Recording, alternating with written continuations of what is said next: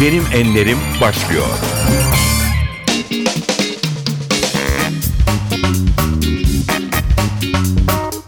NTV Radyo'nun Benim Enlerim programına hoş geldiniz. Ben Aynur Altunkaş. Bundan böyle her pazar kültür, sanat, basın ve spor dünyasından isimlerle söyleşeceğiz. Programda dinleyeceğimiz şarkıları da konuklarımız seçecek. 27 Mart'ta Dünya Tiyatro Günü'nü kutladık. Bu yıl ülkemizde tiyatro bildirisini değerli sanatçı Kenan Işık yazdı. Bu nedenle biz de ilk programımızda Kenan Işık'ı konuk ediyoruz. Duydum ki sefere çıkmaya azmediyorsun. Etme.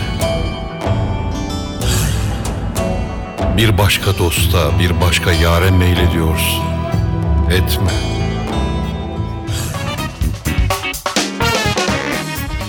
Efendim hoş geldiniz. Hoş bulduk. Olağanüstü bir ses, milyonların izlediği bir yarışma programı. Televizyon dizileri, filmler, ayrıca bir de Türkçe aşığısınız ve dilimizin doğru kullanımı konusunda çabalarınız var. Fakat aslında ömrünüzün çok büyük bir bölümünü tiyatro ile geçirdiniz. 1972 yılında yanılmıyorsam devlet tiyatrosuna girdiniz ve hala tiyatroyla iç içesiniz. Devam ediyorum. Sizin için tiyatro ne ifade ediyor diye başlayalım. Hani derler ya hayatın kendisi. Benim için hakikaten hayatın kendisi tiyatro olmayan herhangi bir gün yaşamadım hatırlamıyorum. Yani bu 5-6 yaşlarımdan beri böyle. Sebebini sormayın bilmiyorum. Verili herhalde. Yani bütün meslekler içinde aynı şey söz konusu olsa gerek. Yani bir cerrah da herhalde isteyerek ve seçerek cerrah olduysa çok başarılı oluyor neticede. Yani bizi genetiğimiz bir yere taşıyor. Bu iş için doğmuşum. yerde. Öyle yani şu abartmak istemiyorum yani. Sanatçı özel biridir demek istemiyorum. İyi mimar da özel biridir. Ya da bir radyocu da yani işini çok doğru ve severek yapıyorsa, merak ediyorsa işini, iyi yapmaya çabalıyorsa o da bence de aynı kategoriye girer. Yani o da e, genetik olarak çok yatkındır o işe. Bu yıl Dünya Tiyatro Bildirisini John Malkovich kaleme aldı. Türkiye'de de siz yazdınız. Bildiride tiyatro öldü söylemlerine karşı çıktınız. Yerel ve etnik unsurların da önemine dikkat çektiniz. Hangi düşüncelerle yazdınız bildiriyi? Esasen biraz e, yani iyi şeylerden bahsetmek isterdim ama edemedim ne yazık ki. Çünkü özellikle son zamanlarda 3-5 yıldır yani tiyatroya karşı böyle bir bilerek ya da bilmeyerek böyle bir şey var. Bir atak var. Yani tiyatro işte eski modası geçti. Hatta tiyatro öldü diye e, yazılar yazan insanlar var. Ya da sohbetler eden böyle radyolarda, televizyonlarda. Ona vurgu yapmak istedim. Tiyatro çünkü insanın var olduğu günden bu yana var olmuş bir sanat. İnsanla beraber var olmuş bir sanat. Galiba yani insan yok olunca da yine var olacak olan bir sanat. Çünkü hayatı irdeleyen bir şey. Yani hayatı daha doğruya, daha özgür, daha adil, içinde yaşaması daha mutlu bir dünyayı öneren bir şey gibi. Tiyatroda sanat genelde böyle ama tiyatroda bunun peşinde hep böyle devrimci bir içeriği var. Hep yeniyi söyler. İnsanı hep ileriye daha uygar insana taşır, daha mükemmel insana taşır. E bu yüzden bir tiyatrocu olarak biraz ağrıma gitmiş olsa gerek ki böyle bir yazı yazdım. Çünkü son dönemlerde özellikle popülerin bir kuşatması var. Sığ olanın, kof olanın aslında sadece eğlenceye dayalı, entertainment diyorlar işte buna. Hatta bu kelime de girdi bize. Popüler evet sanatın ögelerini kullanır ama yani sinemada, edebiyatta, tiyatroda, şurada, burada. Ama gerçek sanat mıdır? Bu tartışılır çünkü artık kategori olarak biz de ayırt etmeye başladık. Artık yüksek sanat demek zorunda hissediyoruz kendimizi. Yani tiyatroya giden seyirci işte 10 dakika 15 dakika sonra sıkılıyorsa biraz şeyi kendinde araması lazım. Burada tiyatronun bir kabahati yok. Bir kabahati yok. Tiyatronun kabahati şöyle olabilir. Yani o metni doğru dürüst algılayamaz. E, Doğru dürüst sahneye ko- koyamamıştır. E, iyi oynanmıyordur. Işığı, dekoru vesairesinde bir sakaret vardır. Yani tiyatrocuların da tabii ki bu anlamda böyle bir sorumluluğu var. Öyle söylenseydi ben hiçbir şey demezdim yani. Başımın üzerinde yeri var öyle denmiyor. Bu sanat miadını doldurdu demek ki gibi Evet. bir yargı e, ortaya çıkıyor. Bu bu yanlış. Yani çünkü insan başladığı zaman yani vahşi doğada hiçbir şey yapamaz haldeyken işte ağaç kovuklarında ya da işte mağaralarda barınıyorken yiyecek peşindeyken yiyecek bulamıyorken aslanı görüyor. Yani o gayet rahatlıkla gidiyor Ceylan avlıyor. Böyle bir problemi yok. Bu da yani Ceylan avlamanın yolu acaba aslan ne yapıyor da Ceylan, Ceylan'ı avlıyor diye düşündüğü için olsa gerek. Aslanın postuna bürünüyor, maskesini takıyor. Aslan gibi sesler çıkarmaya başlıyor. Ve de belki o sırada biri boş bir ağaç kütüğüne vuruyor. Yani bu aslında bir tiyatro ritüelidir. Yani Evet, bu burada bir oyunculuk yapıyor. Evet tam anlamıyla budur. Yani ama maksat e, yiyecek elde etmektir. Evet. Yani sanatın birincil temel amacı budur. Netice itibariyle insana bir faydası vardır. Sohbetimiz bir süre daha tiyatro üzerine devam edecek ama şimdi bir müzik arası verelim. Kenan Işık bir Radyo Voyage dinleyicisi. Bu nedenle ilk şarkı Radyo Voyage arşivinden olacak. Andreas Vollenweider, Moon Dance.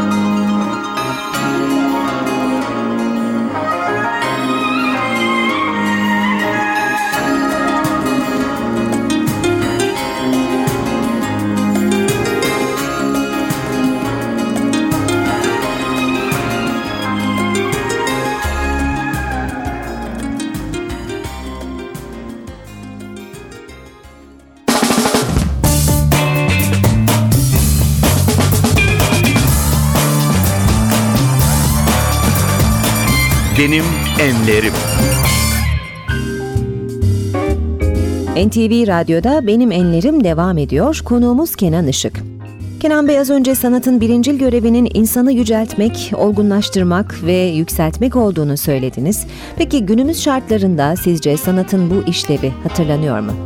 İşte bu çağımızın karmaşası içerisinde bu da kaybolup gitti. Ticari bir meta haline geldi sanat. Bir iş kolu haline geldi. Hem de çok para kazandıran Değil bir mi? iş kolu haline geldi. Sadece yani Amerika'da değil burada da öyle. Yani bir film yapıyorsunuz Recep İvedik. Onu bir, iki, üç, dört diye yapıyorsunuz ve Her çok para izleyici rekoru kazanıyorsunuz. kırıyor. Her bir izleyici rekoru kuruyor. E, bu anlamda bir iş kolu tabii ona kimse bir şey diyemez. Ben de bir şey demiyorum elbette ama bir tek şuna karşı çıkıyorum. Bu sanat değil.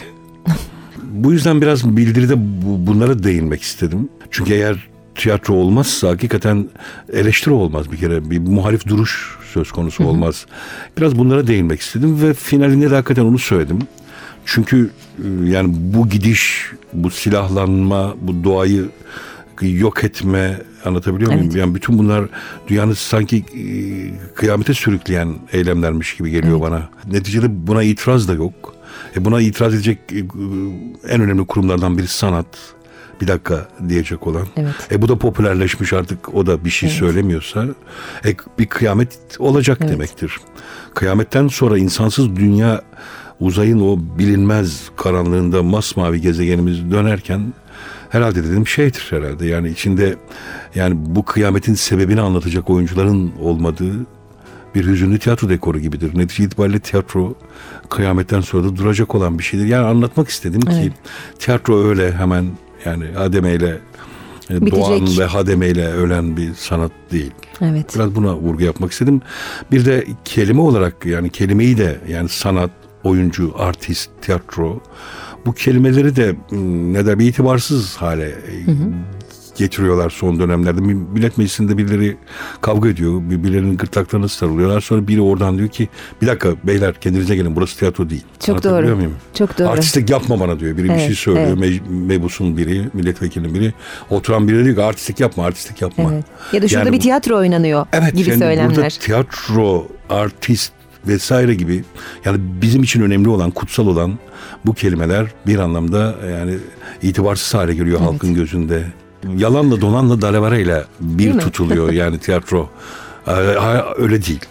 Yani tiyatro tıpkı aslanı avlamak için pardon e, ce- ceylan avlamak için aslan maskesi takan ilk insan gibi bugün de yani Irak'taki savaşı anlatıyorsa burada Başkan Bush'un da maskesini takan yani oradaki e, oğlunu savaşta kaybetmiş annenin maskesini takan ya da ölen oğlunun maskesini takan birilerini görürüz biz Evet. sahnede.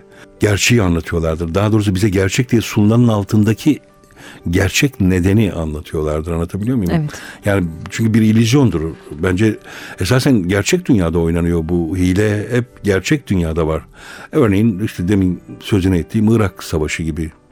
Ne oldu? İşte Saddam kimyasal silah yapıyor. Bütün dünyanın canını okuyacak. Büyük bir risk var bunda. Gidelim Saddam'ı al aşağı edelim. Ha, s- evet geldiler Saddam'ı al aşağı ettiler ama sonradan dediler ki kimyasal silah yokmuş meğerse. Bu bir senaryoymuş. Evet bu bir senaryoymuş. bu bir senaryoymuş yani. Biz bu, bu gerçek hayatta bu oluyor. Evet. Tiyatro, sanat size gerçek hayatta olan gerçek diye size sunulan şey aslında gerçek değil. O gerçeği ben size söyleyeyim. Buna aslında gerçeğin gerçeği diyebiliriz. Çünkü ihtiyacımız var bizim. Çünkü bizi etkileyerek, sarsarak, bazen ağlatarak, bazen güldürerek, dönüştüren olumlu anlamda bu sarsıntıyı yaşatarak bizi e, ertesi gün o romanı okuduktan ya da o filmi seyrettikten, oyunu seyrettikten sonra bizi farklı hissettirecek bir eylemdir sanat. Bu çok önemli bir şeydir yani. Ve bir son bir cümle daha söyleyeyim. Yani bugün gelişmiş olan, demokraside ilerlemiş, ileri demokrasisi olan ülkelere baktığınızda bunların hepsi öncelikle bir kültür ve sanat toplumudur. Sohbete yine müzikle ara verelim. Yine Radyo Voyage arşivinden çalacağız. Cirque du Soleil'in 2002 yılında çıkan soundtrack albümünden dinliyoruz. O.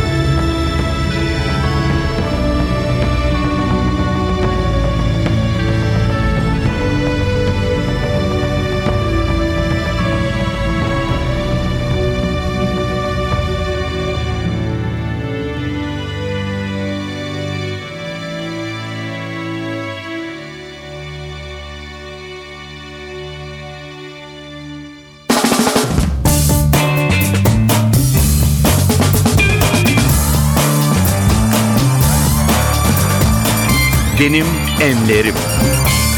NTV Radyo'da Benim Enlerim programındasınız. Ben Aynur Altunkaş. Bugün konuğumuz tiyatro sanatçısı Kenan Işık. Biraz izleyici koltuğundan bakalım isterseniz. İzleyici profili konusunda ne düşünüyorsunuz? Bu anlamda bir gelişme oldu mu Türkiye'de? Kriter olarak dünyayı alırsak geriye gidiş var. Yani ben şimdi Ankara'da tiyatroya başladım. 1960'ların başıydı. 250-300 bin nüfusu vardı Ankara'nın ama 7 tane tiyatro vardı. Ben kendimi sabahın dördünde tiyatro kuyruğunda hatırlıyorum. E, e, bugüne baktığınızda Ankara'nın nüfusu 4 milyon 5 milyon. E, tiyatro sayısı ne kadar derseniz o 7 tane tiyatro belki 9 belki 11 oldu. Yani bunu oranlarsanız Evet. bu geriye gidiş net bir biçimde görülür. İstanbul için de aynı şeyler söz konusu.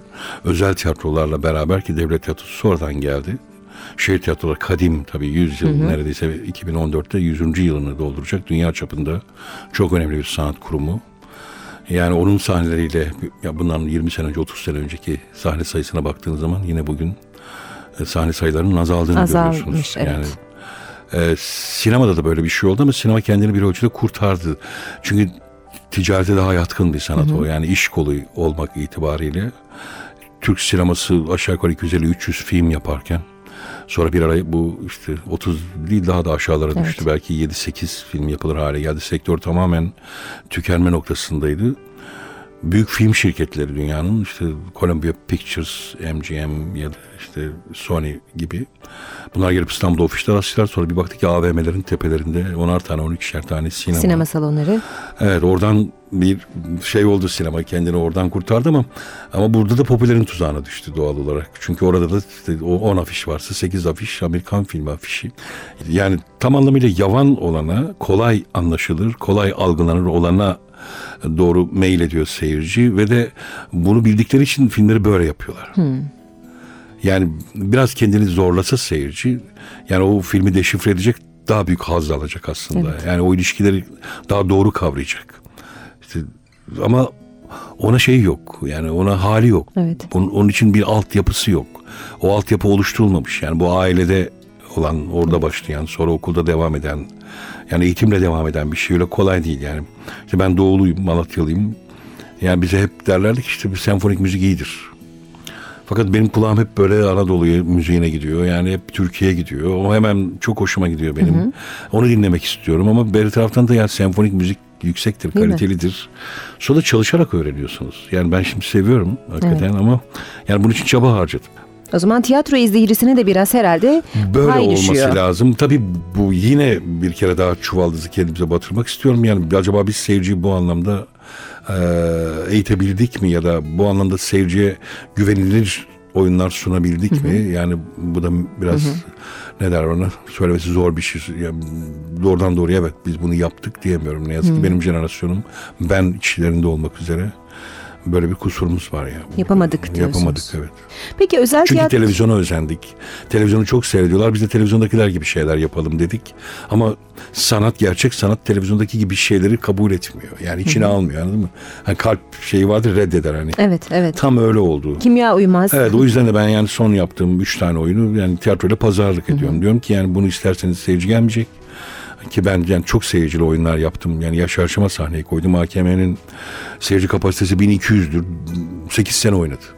Aziz Nesin Allah rahmet eylesin 6. yılında çıktı yani devletten bu kadar para kazanacağım rüyamı görsem Ya. inanmazdım falan. Bu oyundan bahsedelim. Son sahneye koyduğunuz oyundan. Evet şimdi seyirciler eğer oyunu seyrettilerse bu sefer diyecekler ki ne söylüyor bu ben gidip bilet bulamıyorum. e, bu antik bir oyun. 2500 yıl önce Sofokles'in yazdığı bir oyun. Çok büyük bir yazar. E, zaten antik ve klasik dendiği zaman bütün zamanlara söylenmiş bir sözü olması gerekir ki biz onu öyle niteleyelim o sanat yapıtını. E, çok bugünün dünyasına çok oturan bir şey. Yani Arap Baharı'na oturan bir şey. Çok Anadolu yani mekan zaten Anadolu Antigone oyunu. E, bir de kardeşin kardeşi öldürdüğü bir teması var. Yani netice itibariyle kardeş kardeşi öldürdüğü zaman sonu hayırlı gelmiyor diyen de bir bildirisi var yani. Bugünün Türkiye'sine de göndermeleri olan e, bir oyun. Eksik olmasın evet. Seyirci ama şunu görüyor. Yani kendisine saygı duyulduğunu hissediyor oyunu seyrederken. Çünkü evet yani zor bir şey. Ama bana saygı duymuşlar yani. Ben bilet alacağım geleceğim. Bunu, benim için yapıyorlar. Bu yüzden de oturayım seyredeyim gibi bir duyguya kapılıyorlar ve iyi de oluyor hakikaten. Ee, seviniyorum yani yeniden o eski seyircimize kavuşacağız gibi geliyor bana. Şu anda memnun musunuz aldığınız Evet. tepkilerden, gelen Evet, seyirciden? Evet, evet. Devlet tiyatrosunda tekel sahnesinde oynuyor. Antigone, Sofokles'in yazdığı Antigone adlı oyun. Ee, yine bir müzik arası verelim. Buyurun. Kenan Bey yine siz seçeceksiniz. Hangi parçayı dinleyelim? Yani New Age yani Yanni'den olabilir. Volan Wider olabilir. Peki. Yani bir Yanni olabilir mesela. Peki. Sıradaki parça Yanni'den One Man's Dream.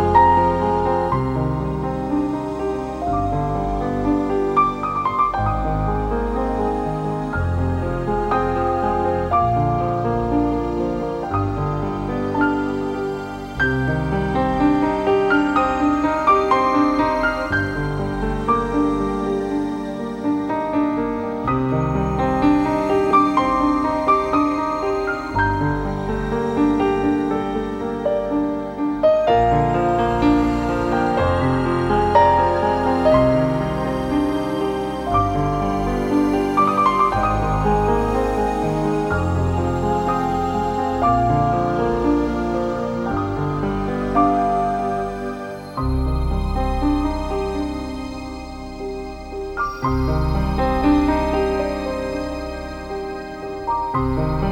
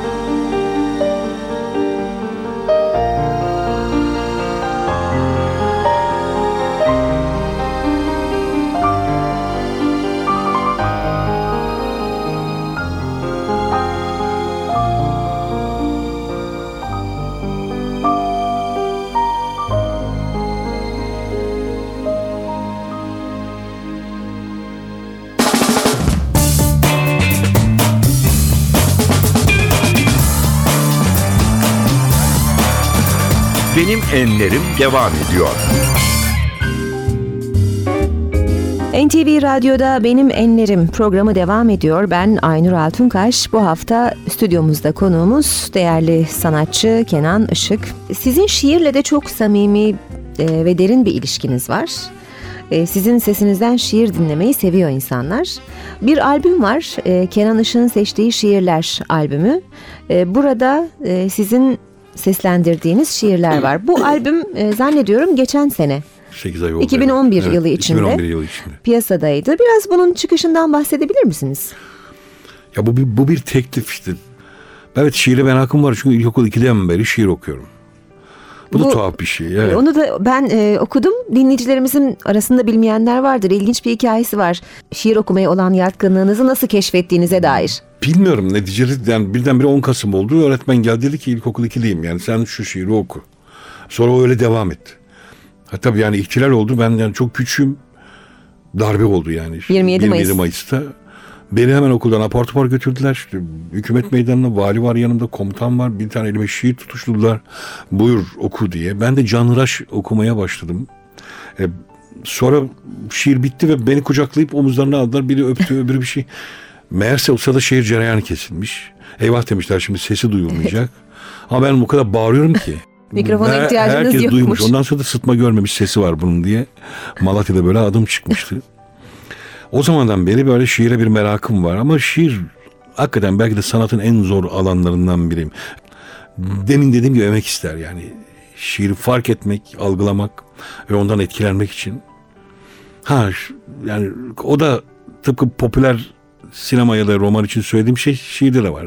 Şarkı sözü gibidir bazı şiirler biliyorsunuz. Bol uyaklı Çok kolaylıkla şiirler de hemen vardır. algılanır. Ha evet ya. Ya o bir bir sevgilisine olan bir şeydir. Seni ne kadar çok özledim. Sen beni terk ettiğinde şu oldu da Evet. hemen kolay alırız, Evet, algılarız. mesajı çabuk Kendimizle hemen onu özdeşleştiririz ve etkileniriz. Sonra da o şiiri ezberleriz, gideriz okuruz sevgilimizi okuruz. Ona Mesaj okuruz. göndeririz. Ya, mesaj göndeririz vesaire. O, o ne kadar şiirdir bilmiyorum yani. Ona şiir demek gerekir mi? Bence bana sorarsanız gerekmez. O şiir değil. Şiir daha derin bir şey. Yani hakikaten bir yerde okumuştum. Tanrı'nın insan ruhuna üflediği alevdir diye. Öyle bir şey. Biraz buradan hareketle belki işte böyle bir seçki oldu. Seçerken zorlandınız mı şiirleri? Yok tam tersi yani çok sevdiğim şiirler var. Yani onları koyamadım. Bir de her şairden bir tane iki tane dedim ama bazı şairler var ki bütün şiirlerini seviyorum. Yani öyle öyle bir zorluk vardı ama neticede bir talep üzerine bu kitap çıktı evet. Ee, şimdi sıradaki bu albümden bir parça olsun isterseniz. Olur. Ee, onu da siz seçin. Hangisi olsun? Başta ne yazıyor? Sevgili yakınlığı. Sevgili yakın. Goethe'nin bir şiiri. Evet. E, Goethe çok ilginçtir yani. Tabii ki onun sufilikle tasavvufla çok yakın da ilişkisi var. Özellikle Faust öyle bir oyun. Evet. E, bu şiir de öyle. Yani baktığınız zaman sanki bu sevgiliye söylenmiş bir şey ama o sevgili kim dediğiniz zaman birdenbire tabiat çıkıyor karşınıza. Anlatabiliyor muyum? Yani suların sesi geliyor, gökyüzü geliyor. O yani bütün burada Tanrı'nın varlığını hissetmek. Evet. Anlatabiliyor muyum? Evet. O sevgili acaba o mu? Yani sevgiliyle onu özdeşleştirmek zaten yani Faust dedim Faust'ta da vardır. Yani Margaret işte bir genç bir kızdır. Yani onun güzelliği aslında tanrısal bir güzelliktir. Yani Tanrı onu o kadar güzel yaratmıştır ki o güzelliğe baktığınız zaman Tanrı'yı, Tanrı'yı görürsünüz. görürsünüz. Ya Leyla ile Mecnun hikayesi de aşağı yukarı böyle bir şeydir. O sevgilinin bir sebebi var yani. Onun var olmasının, Evet. varlığının bir gerekçesi var. O gerekçe demek ki daha da önemli. Sevgiliden de önemli hatta diye. Böyle bir şey gibi algıladığım için hemen o ilk şiir. Peki. Göte sevgili yakınlığı. Seni hatırlarım. Sulara günün şavkı vurunca. Seni hatırlarım. Dalgalara ay renkler verince. Seni görür gözüm uzak yollarda. Tozlar kalkarken. Derin gecelerde dağ yollarında yolcu titrerken. Seni işitirim boğuk seslerle sular yükselince. Kırlarda sükutu dinlerim gece. Uzakta da olsan ben yanındayım. Sen yanımdasın. Gün söner. Yıldızlar ışır gökte. Ah, burada olsaydım. Hatırlarım seni sulara güneşin Şavkı vurunca akşam olunca Hatırlarım seni dalgalara ay Renkler verince sabah olunca Seni görür gözüm derin gecelerde Dağ yollarında yolcu titrerken İşitirim seni boğuk seslerle Sular yükselince her şey susunca Ah, burada olsaydım. Ah, Uzakta olsan da Ben yanındayım. ben yanındayım Sen yanımdasın. Sen yanımdasın Ah olsaydın Seni görür gözüm. Derin gecelerde Dağ yollarında Yolcu titrerken İşitirim seni Boğuk seslerle. Sular yükselince her şey susunca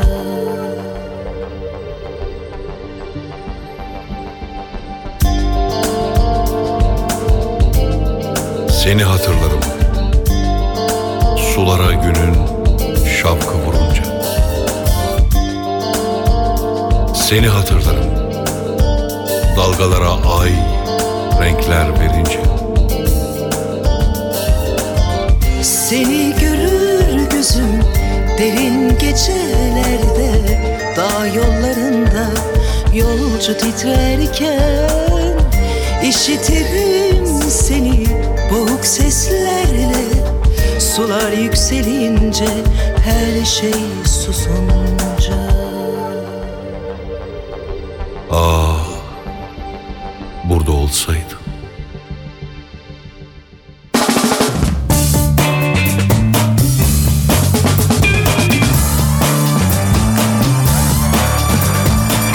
Benim Enlerim. NTV Radyo'da Benim Enlerim programındasınız. Ben Aynur Altunkaş. Bugün yanımızda sanatçı Kenan Işık var.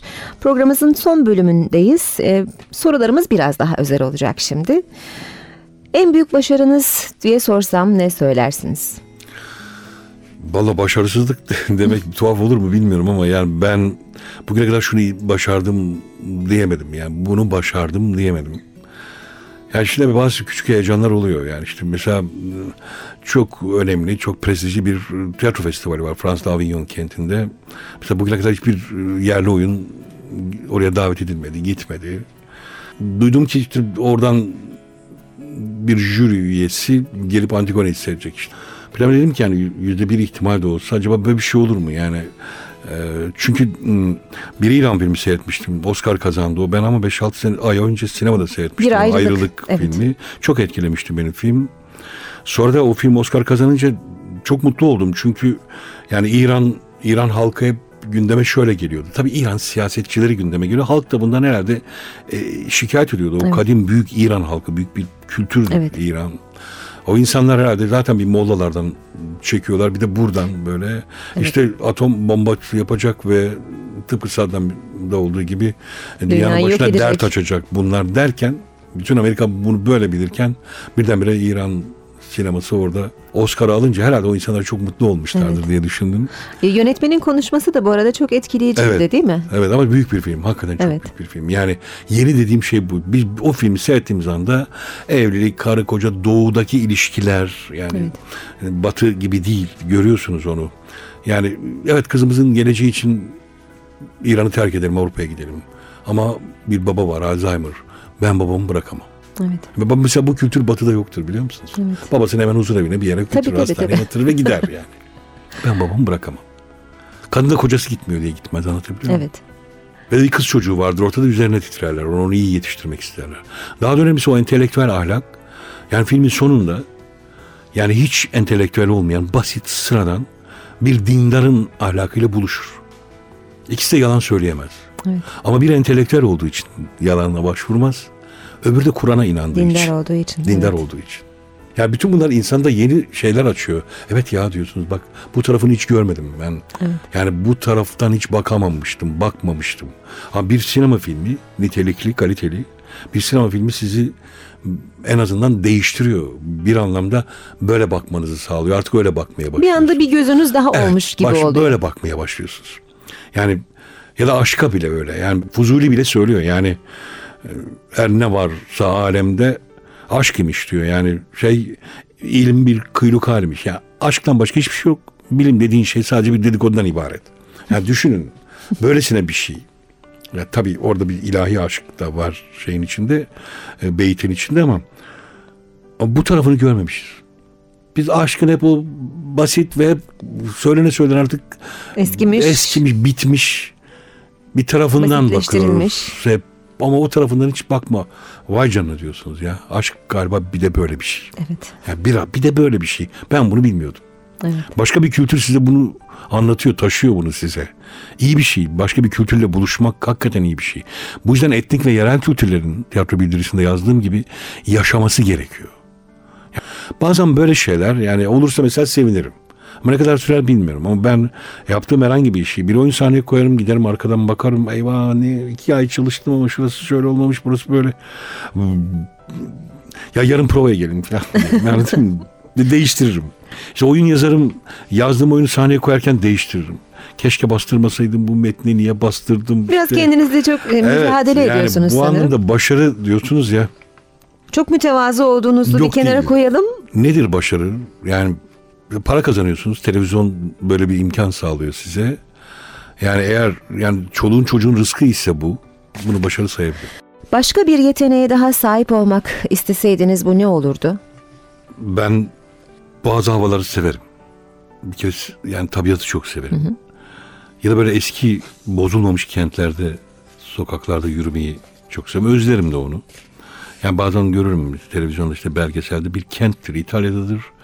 Yani şahanedir. Niye ben buraya gidip orada yürümedim ya da o ka- kafeye oturup da işte bir, bir kadeh bir şey, bir kahve içmedim diye hep böyle hayıflanırım. Bir de ben böyle sisli puslu havalar falan hoşuma gider. Öyle havalarda hep şey yaparım. Yani şimdilerde daha seyreldi ama eskiden yani işte yağmur yağarken, çiselerken işte bir yerde şimşek çakarken böyle müzik açar işte bir kadeh bir şey falan. Ama sabahın 9'u 10'u Ya yani çok zamansız, yersiz aslında. O zaman hep içimden şey geçer. Keşke bir müzik aleti çalsaydım da yani. yani O havaya eşlik Bu havaya eşlik etseydim. ya bir piyano çalsaydım ya- ya da başka bir şey, bir cello falan diye.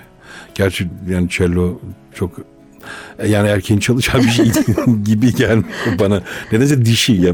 Belki de bütün yaylı çalgılar mı Evet. dişi? Yani Sen keman da bir kadında daha daha şey Şık duruyor. duruyor yani. gibi daha değil evet. mi? Bir arp yani bir erkeğin arp çaldığını düşünseniz yok istemem yani.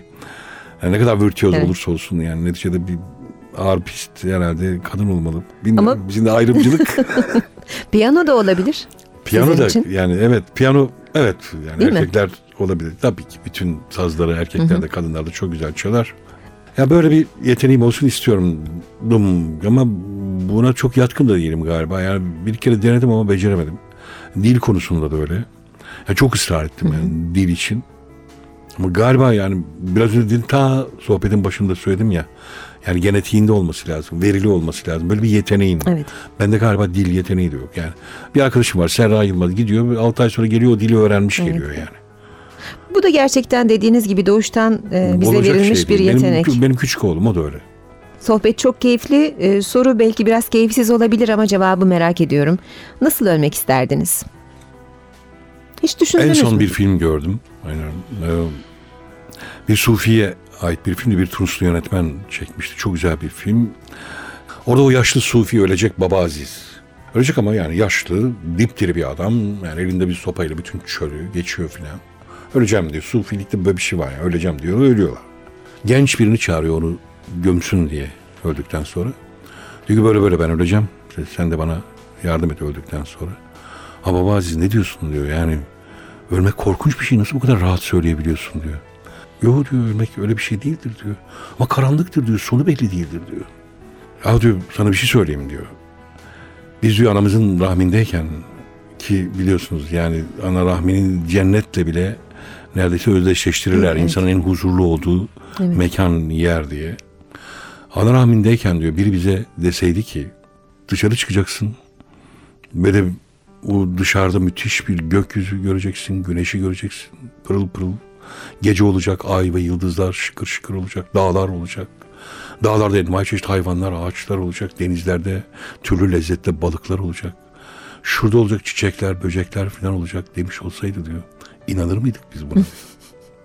Benim için bir düğündür diyor. Çünkü o metin galiba yani filmin senaryosundaki diyaloglar Feridun Attar İbn Arabi, Mevlana Celaleddin Rumi gibi e, sufilerden alınmış laflar. E, O da diyor Mevlana cümlesini söylüyor. Bu benim için bir düğün gecesidir diyor. Yani zor bir şey değildir diyor. Bu filmi seyrettim sonra işte hafta sonunda Sofya'daydım orada bir oyun gördüm. Bir intihar diye. Papaz'a soruyor ya. Tamam diyor. Biraz da hani intihar etmeden önce de iyice bir parti yapıyorlar buna. Ölmeden önce iyice de alkol almış. Ya papaz diyor Allah aşkına. Yani öbür dünya var mı ben diyor öleceğim de diyor ya. Papaz diyor ki bir din adamına sorarsan var diyor. bir bilim adamına sorarsan diyor yok, Yok. diyor. Ama diyor normal sıradan birine sorarsan diyor o vicdanını gösterecektir sana diyor. Ölüm böyle bir şey. Yani nasıl karşılarız, nasıl ölmek isteriz? Şimdi bazıları der ki yani ya ölecek aman yakınlarını çağırın, çoluğunu çocuğunu. Şimdi bana sorarsanız bu iyi bir şey mi yani? Görmesini Çocuğunuzun o ana istemezsiniz. tanık olmasını ister misiniz? Yani bilmiyorum ya ama bizim Anadolu'da eski bir laf vardır yani döşek ölümü derler. Yani vakti saati gelecektir ve öyle yumuşacık öleceksindir. Galiba ölümün en doğrusu, en iyisi, en hayırlısı o olsa gerek. Ee, çünkü öbür türlü ani ölümlerde size bir şey olmuyor. Ne olacak ki? Yani Nietzsche'nin dediği gibi. Çok doğru Nietzsche. Yani ölümden korkmanın bir manası yok ki diyor. Çünkü öldüğümüz zaman ne olduğunu bilmeyeceğiz zaten. Ölüm Aa, varsa biz birden yokuz. yani. Evet. Aniden gidecek. Sonra geride kalanları düşünüyorsunuz biliyor musunuz? Tuhaf bir şey. Siz de düşünür müsünüz? Tabii tabii. Hep arkada olanları. Yani ne olacak? Acı çekecek, öteki ağrıyacak, öteki üzülecek. Annem şunu yapacak. Bir taraftan biri dövünecek, saçını başını yolu. Vesaire gibi. Çünkü doğal ölümün şöyle bir şey var. Serüveni var. Yani yaşlandıkça bütün hücreleriniz yavaş yavaş gidiyor. En son bir yeme içme içgüdüsü kalıyor. O da sizi hayatta tutacak. Evet. Başka hiçbir zevkiniz yani dünyadan haz alacak herhangi bir şey kalmıyor. Evet. Hiçbir şey kalmıyor. O zaman yaşama duygusu da Yavaş yavaş. yavaş galiba. yavaş sönüyor. Yani çırpınmıyorsunuz. Çok Teslim kendiliğinden. ediyorsunuz kendinizi. Hep öyledir yani. Görür, bazen duyarsınız yani. Aa sabah kalktık ki ölmüş. Evet evet evet. Aa ne güzel akşamda çen şakraktı yemek Evet. yiyordu. En Ni- güzel Ninem işte. değil mi? Sabah kalktık öyle yatağın içerisinde falan diye. Galiba en hayırlı en Hayırlı bir ölüm. Böyle bir ölüm evet. Allah daha uzun ömürler versin diyelim. Bitiriyoruz artık programımızı. Yine bir şiir dinleyelim. Yine siz seçin. Bu sefer siz seçin. Ben mi seçeyim? Ben o zaman Annabelle'yi seçmek Olur. istiyorum. Edgar Allan Poe'nun. Bu eserle size veda ediyoruz. Kenan Işık çok teşekkür ediyoruz Ben konuğumuz teşekkür olduğunuz ediyorum. için. Benim Enlerim programı böylece sona eriyor. Ben Aynur Altunkaş. Mutlu bir hafta sonu geçirmenizi diliyorum. Hoşçakalın. Senelerce, senelerce önceydi. Bir deniz ülkesinde yaşayan bir kız vardı. Bileceksiniz. Adı Annabelle. Hiçbir şey düşünmezdi sevilmekten, sevmekten başka beni. Senelerce Senelerce önceydi Bir deniz Ülkesinde Yaşayan bir kız vardı Bileceksiniz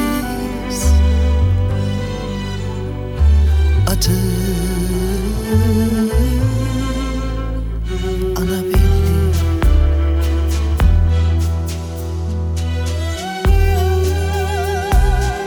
O çocuk, ben çocuk. Memleketimiz o deniz ülkesiydi. Sevdalı değil, kara sevdalıydı. Ben ve ana belli. Göklerde uçan melekler bile kıskanırlardı bizi.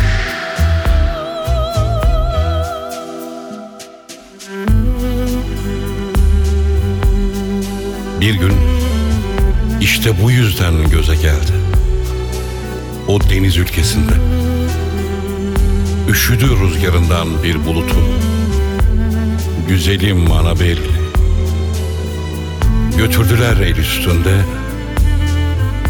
Koyup gittiler beni. Mezarı oradadır şimdi. O deniz ülkesinde.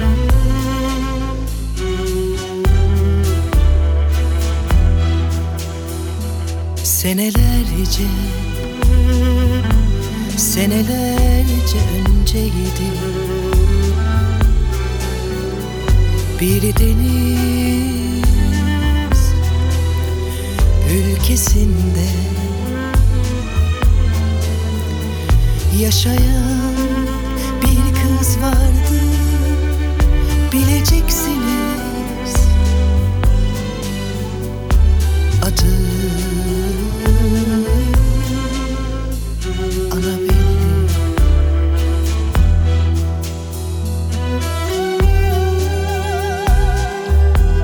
Biz daha bahtiyardık meleklerden.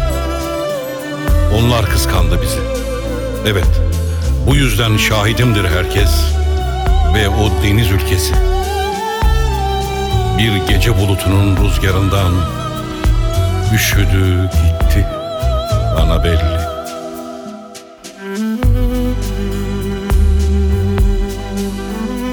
Sevdadan yana kim olursa olsun yaşça başça ileri geçemezlerdi bizi.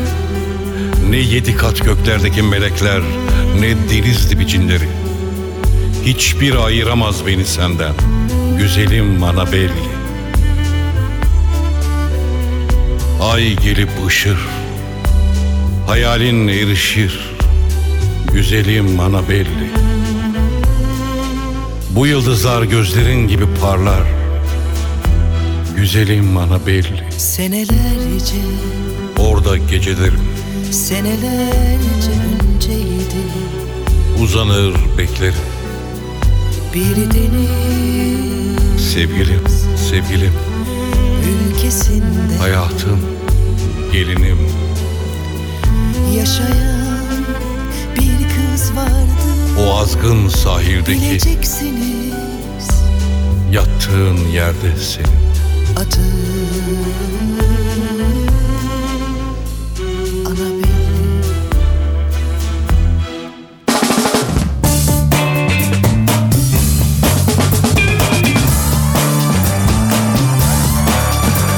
Benim enlerim sona erdi.